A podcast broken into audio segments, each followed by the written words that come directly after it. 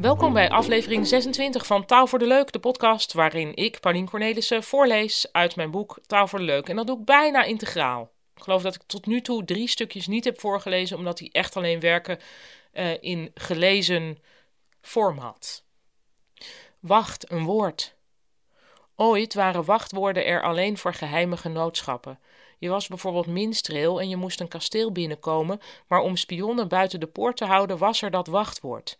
Dat woord had je in een verzegelde brief meegekregen die je inmiddels al had opgegeten. Wachtwoorden vroeger, exclusief, spannend, leuk. Wachtwoorden nu, vervelend, veel te veel, niet te onthouden. Het omgaan met hedendaagse wachtwoorden is een voortdurende confrontatie met je eigen onvermogen. Of je weet je wachtwoord niet meer en dan moet je iets doen met de meisjesnaam van je huisdier. Of je weet het wachtwoord wel, omdat je altijd een variant op hetzelfde doet. En dat betekent dan dat er, as we speak, Russische bendes je identiteit aan het stelen zijn. Mijn grootste irritatie bij wachtwoorden is een irrationele. Waarom vindt de computer het nooit goed als je je wachtwoord bijna weet? Stel, mijn wachtwoord is hup hup Paulien met kleine letters. Ik voer in hup hup Paulien met een hoofdletter. Fout, vanwege die ene hoofdletter. Ik kan het echt ontzettend flauw vinden dat mijn computer geen begrip heeft voor dit soort kleine vergissingen. Duidelijk is toch dat ik het wel wist. Ik zie mijn computer en het hele internet eigenlijk als een iets te strenge juf op de basisschool. Maar ze zag toch dat ik het tjeuken meer bedoelde, ook al zei ik flusen. Dat exactheid juist het hele punt van een wachtwoord is, maakt niets uit voor het basisgevoel van onrechtvaardigheid. Vaak heb ik gefantaseerd over een computer die bij een verkeerd ingevoerd wachtwoord zegt: bijna, probeer het nog eens, of niet helemaal, maar ik reken het goed. Dit soort irritaties bestaat pas een jaar of vijftien op grote schaal en zal ook wel weer verdwijnen. Over een jaar of vijftien zijn er helemaal geen wachtwoorden meer nodig. Dan doe je alles met je vingerafdruk of je iris-scan. Er zullen nog wel wachtwoorden zijn, maar alleen voor geheime genootschappen. Oké. Als je op je telefoon je pincode goed hebt ingetoetst, krijg je de melding pincode oké. Wat zuinig klinkt dat. Pincode fantastisch. Dat zou er moeten staan. Een ongerept toilet. Stel, je gaat in een horecagelegenheid naar de wc. Je ziet een rij deuren die geen van alle op slot zijn. Welke wc kies je dan? Ik ben geneigd een van de middendeuren te kiezen, dus niet de eerste of de laatste deur. Geen idee waarom dat is. Soms ben ik me bewust van deze terugkerende voorkeur en dan kies ik juist wel de eerste of de laatste deur. Dat doe ik vanwege de volgende redenering. Als andere mensen, net als ik, liever niet op de eerste of laatste wc gaan zitten, dan zijn die wc's relatief het schoonst en moet je er juist wel op gaan zitten. Voor de duidelijkheid, deze overwegingen gaan in een fractie van een seconde. Het is niet alsof er contemplatie plaatsvindt. Het is meer je moet een snelle keuze maken en welke keuze maak je dan? Niemand loopt zonder enige overwegingen wc in, maar het is niet echt een onderwerp waar je het snel met anderen over hebt. Toch had ik het er laatst over met iemand die me vertelde dat ze altijd een wc kiest waarvan ze vermoedt dat er niet net iemand anders op is geweest en dat het dan schrikbarend vaak voorkomt dat uitgerekend die wc bij nader inzien toch net gebruikt is. Dit merkt ze doordat de bril nog warm is. Dit doet mij vermoeden dat deze onbelangrijke keuzes veel ingewikkelder zijn dan we denken. Dat we onszelf wijsmaken dat we een ongerept toilet zoeken, maar dat onze dierlijke kant juist graag op een wc wil waar al een soortgenoot is geweest, om daar onze eigen geurvlag bovenop te kunnen planten. En dan doen we wel van, hé gat, de bril was nog warm, maar ergens is het misschien wel een moment van victorie. Overigens merk ik ook het volgende. Als ik in zeldzame gevallen twee keer naar de wc moet tijdens één horecabezoek, dan moet ik op dezelfde wc. Dat is blijkbaar mijn wc geworden. De wc en ik zijn een relatie met elkaar aangegaan en dat na maar één keer plassen. Dat is dan wel weer een romantische gedachte een aantekening nog bij dit stukje, dat in uh, Japan, waar ik uh, af en toe ben, uh, daar zijn heel veel wc-brillen verwarmd. Waardoor, dat is natuurlijk bedoeld als, oh fijn, dan, dan heb je niet het gevoel van de koude bril. Maar volgens mij is het ook om twijfel weg te halen over, is hier nou net iemand op geweest of niet? Want als alle brillen warm zijn, dan, dan voel je het niet meer als het door een ander mens verwarmd is. Los en loos. Misschien is de fijnste zin in het Duits wel jetzt geht's los.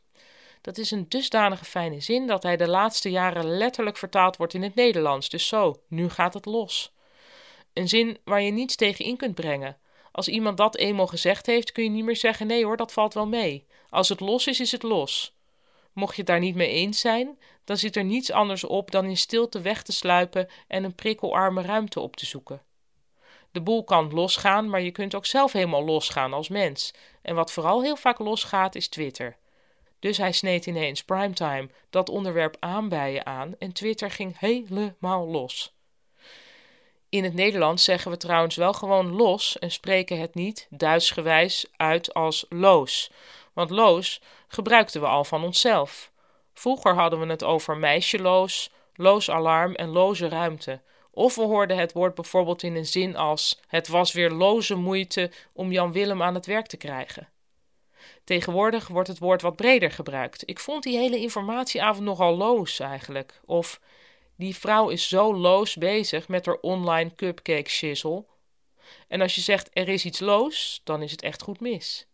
En zo kan één ootje het verschil maken tussen dol enthousiasme en doffe negativiteit.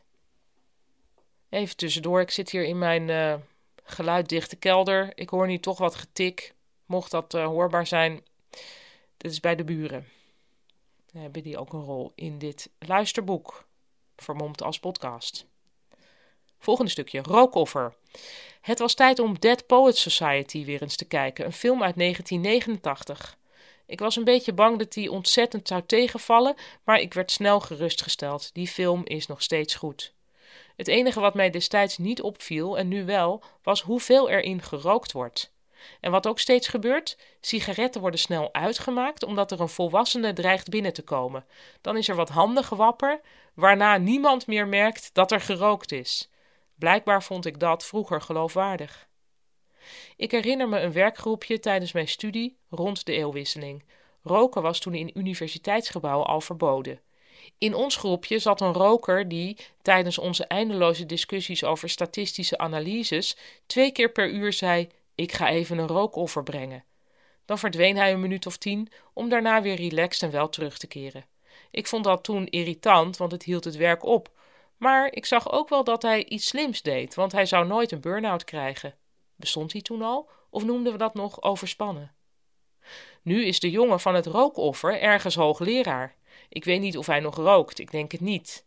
En als het inderdaad niet zo is, dan moet hij dus een programmaatje op zijn computer installeren om eraan herinnerd te worden om een mini-break te nemen. De mens zoekt nu eenmaal naar een pauzeknop. Mensen die nog roken zijn of jong en dom of oud en hopeloos.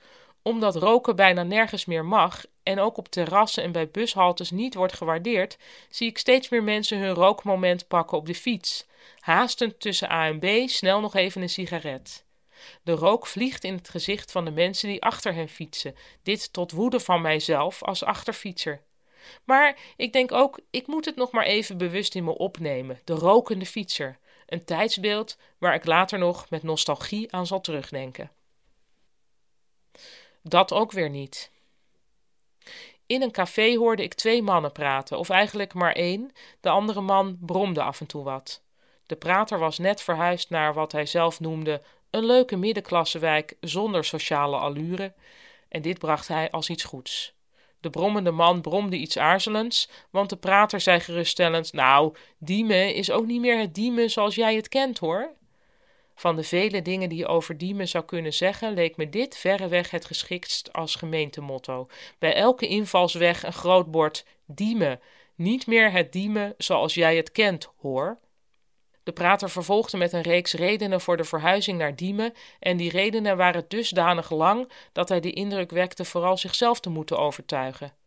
Zijn vrouw en hij werkten allebei in Amsterdam, wilden niet te ver reizen en met die lage hypotheekrente kostte het allemaal geen drol. Dus ja, en ze hadden heel lang gezocht. We kwamen echt op het punt dat we uit elkaar gingen. Nou ja, dat ook weer niet. Het was vooral dat laatste waardoor ik ging meevoelen met de man. Had hij nou wel of niet op de rand van echtscheiding gestaan? Misschien was het echt zo geweest, maar schrok hij dat hij het toegaf en stelde hij zijn uitspraak snel bij. Aan de andere kant, wellicht voelde hij dat zijn monoloog over diemen en hypotheekrenteaftrek veel te saai was. Dacht hij: Ben ik dit echt? Ben ik nu de man geworden die met een vriend aan het praten is over een leuke middenklassewijk? En dat hij daarom besloot tot een dramatische uitschieter over een relatiecrisis, om meteen daarna te denken: Zo'n onwaarheid kan ik toch niet zomaar de wereld inbrengen? Ik gok op dat laatste. Een man met behoefte aan dramatiek, aan extreme. Hij vertelde even later dat zijn jongste dochter altijd of een drie haalde of een negen. Nooit een zeven. Leuk is dat. Vanaf. Wat was het geval? Er was een pakket bezorgd dat ik de volgende werkdag vanaf één uur kon ophalen bij het postagentschap bij mij in de buurt. Dus ik daar de volgende dag heen, maar geen pakket. Ik, oh wat gek, want ik dacht er staat vanaf één uur en het is nu twee uur. De man van het postagentschap vanaf één uur, dus dat kan ook drie uur zijn. Ik, maar wat heb je er dan aan als er staat vanaf één uur? De man, dat moet u niet aan mij vragen. Wij drukken dat formulier niet. Wij zijn niet PostNL. Dient u maar een klacht in als het u niet bevalt. Ik, ik bedoelde het niet als aanval. Ik vind het alleen merkwaardig dat vanaf één uur niet betekent dat het er vanaf één uur ligt. Hij, ja, onhandig hè, had u maar thuis moeten zijn. Gebruiksaanwijzing. Ik zag een interview met een Amerikaan die in 1966 een Volvo had gekocht en daar nog steeds in reed. Er stond 4,5 miljoen kilometer op de teller. Het geheim was, zei hij, dat hij de gebruiksaanwijzing had gelezen. Je weet wel, dat boekje in je dashboardkastje dat nooit iemand leest. En hij dus wel. Een hoopvol iets, dat het leven toch beheersbaar is. Dat de dingen gewoon werken als je maar goed leest. Maar het nieuws van die 4,5 miljoen kilometer heeft er niet toe geleid dat ik ook echt gebruiksaanwijzingen ben gaan lezen. Het idee dat het zou kunnen werken is al mooi genoeg. Ik heb een ordner met gebruiksaanwijzingen. Dat voelt georganiseerd, zelfs als je er nooit in kijkt. Laatst ging mijn waterkoker stuk en terwijl ik mij al afvroeg of ik een nieuwe moest kopen, dan wel een reparatiepoging moest wagen, deed hij het alweer, terwijl hij was echt stuk. Het was een spontane wederopstanding. Ik kan bijna niet onder woorden brengen wat een geluksgevoel dat teweegbracht. Een waterkoker die even stuk is en daarna niet meer, is veel beter dan een waterkoker die het altijd zonder problemen doet. Mysterieus blijft waar de waterkoker dit zelfhelende vermogen vandaan haalde. Of zou hij zijn eigen gebruiksaanwijzing gelezen hebben? En dit is het einde van aflevering 26 van Taal voor de Leuk, de podcast. En morgen ben ik er weer. Tot morgen.